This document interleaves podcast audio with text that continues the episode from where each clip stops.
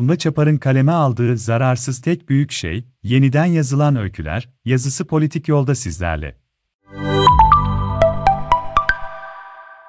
2019 yılında Nebula en iyi uzun öykü ödülünü ayrıca aynı yıl çeşitli, en iyi kısa roman ödüllerini de alan Amerikalı yazar Brooke Bolander'in yazdığı Zararsız Tek Büyük Şey, fantastik kurgu, masal, şiir ve öykünün bir karışımı gibi duran özgün bir edebi yapıt. Nicelikte kısa ancak nitelikte yüksek bir yoğunluğa sahip. Roman, Parçalanma ve Zincirleme Reaksiyon adında iki bölümden oluşmakta, nükleer fiziğe ait bu terimler hem kurgunun tarzına hem de hikayesine hizmet etmekte çünkü radyoaktif maddeler ve onların zehirlerinin sebep olduklarını anlatılmakta. Epigraf, Brooke Bolander'in kendisine ait bir cümle, kan kuruduğunda ve sis dağıldığında bizi sırt sırta bulacaklar. İlk bölümde dört ayrı eksende fillerden ve insanlardan, dağlara, havaya, masallara, tarihe saçılan parçaları toplamaya davet edilir okur. Fillerle ilgili masalsı, dili şiirsel ve metaforları çarpıcı anlatılar insanlarla filler arasındaki duygusal ve sezgisel benzerliklerin ne kadar da fazla olabileceğini gözler önüne serer. Fillerin meşhur hafızası ile kolektif hafızanın önemine,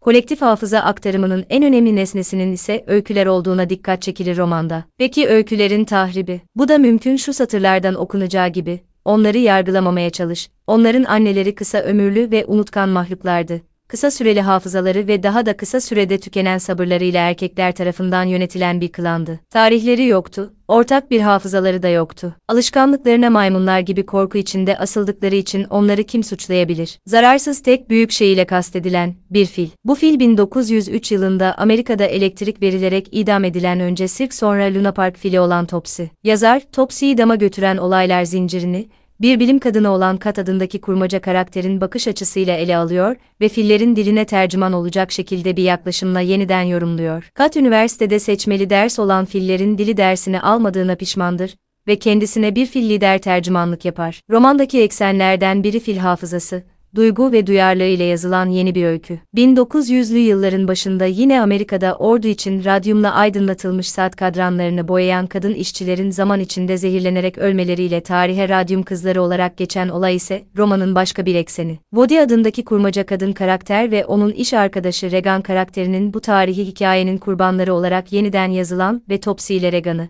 köprüden geçirecek olan yeni bir öykü. Biraz fantastik, ilhamını ise Topsy'den sonra yaşamış başka bir filden almış gibi dursa da kolektif anlamda fillerden insanlara olduğu gibi akabilen, romanda, bir hafıza ile mango toplayan maymunlara da değinerek insanın kültür tarihi boyunca doğada yarattığı tahribatı eşeleyen de bir roman. Korkulardan, gerçeklerden ve ihtiyaçlardan bahsedilir romanda. Derinlerde yatan korkular ve ihtiyaçların ne olduğu finale saklanır. Gerçekler ise öyküler gibi paramparça olmuştur. Radyoaktif madde sayesinde heykel gibi parlayan bir bekçi fil insanların kendini gördüğünde gerçeği bileceğini söyler ısrarla ancak bunun olmayacağı şu satırlardan okunur yaşlı filin anlamadığı şeyi nasıl anlayabilirdi ki zaten, insanların gerçeklerle yüzleşmeye, özellikle de rahatsızlık veren gerçeklerle yüzleşmeye meraklı olmadıklarıydı. Topsy Nidama olayında da radyum kızları olayında da gerçeklerin ortaya çıkması mücadele ve zaman alır. Topsy idama giderken zincirlerle bağlıdır. İşçi kızların ise fakirlik, çaresizlik ve bakmak zorunda oldukları aileleri zincirleridir. Zincirleme reaksiyon bölümünde bu iki trajik olay ve birinci kısımdaki parçalar tamamen iç içe geçer. Satırlarda tarihi, medyaya öfke gizlenmez ancak final,